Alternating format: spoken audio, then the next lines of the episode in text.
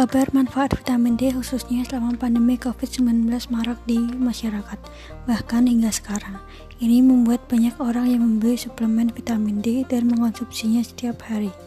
Tak sedikit yang juga yang mengonsumsi vitamin D dosis tinggi tanpa anjuran ahli medis. Kenyataannya, kamu belum tentu kekurangan vitamin D. Bisa jadi kadar vitamin D di tubuhmu sudah dalam batas normal dan tidak membutuhkan suplementasi. Perlu diperhatikan bahwa segala hal yang berlebihan tidak baik. Begitu juga dengan kadar vitamin D yang melebihi batas yang dapat menyebabkan dampak negatif bagi tubuh. Beberapa kebutuhan vitamin D per hari berapa kebutuhan vitamin D per hari, bagaimana mengetahui seseorang kekurangan vitamin D atau tidak, apa bahayanya jika kadar vitamin D dalam tubuh berlebihan, simak penjelasannya di bawah. Berikut.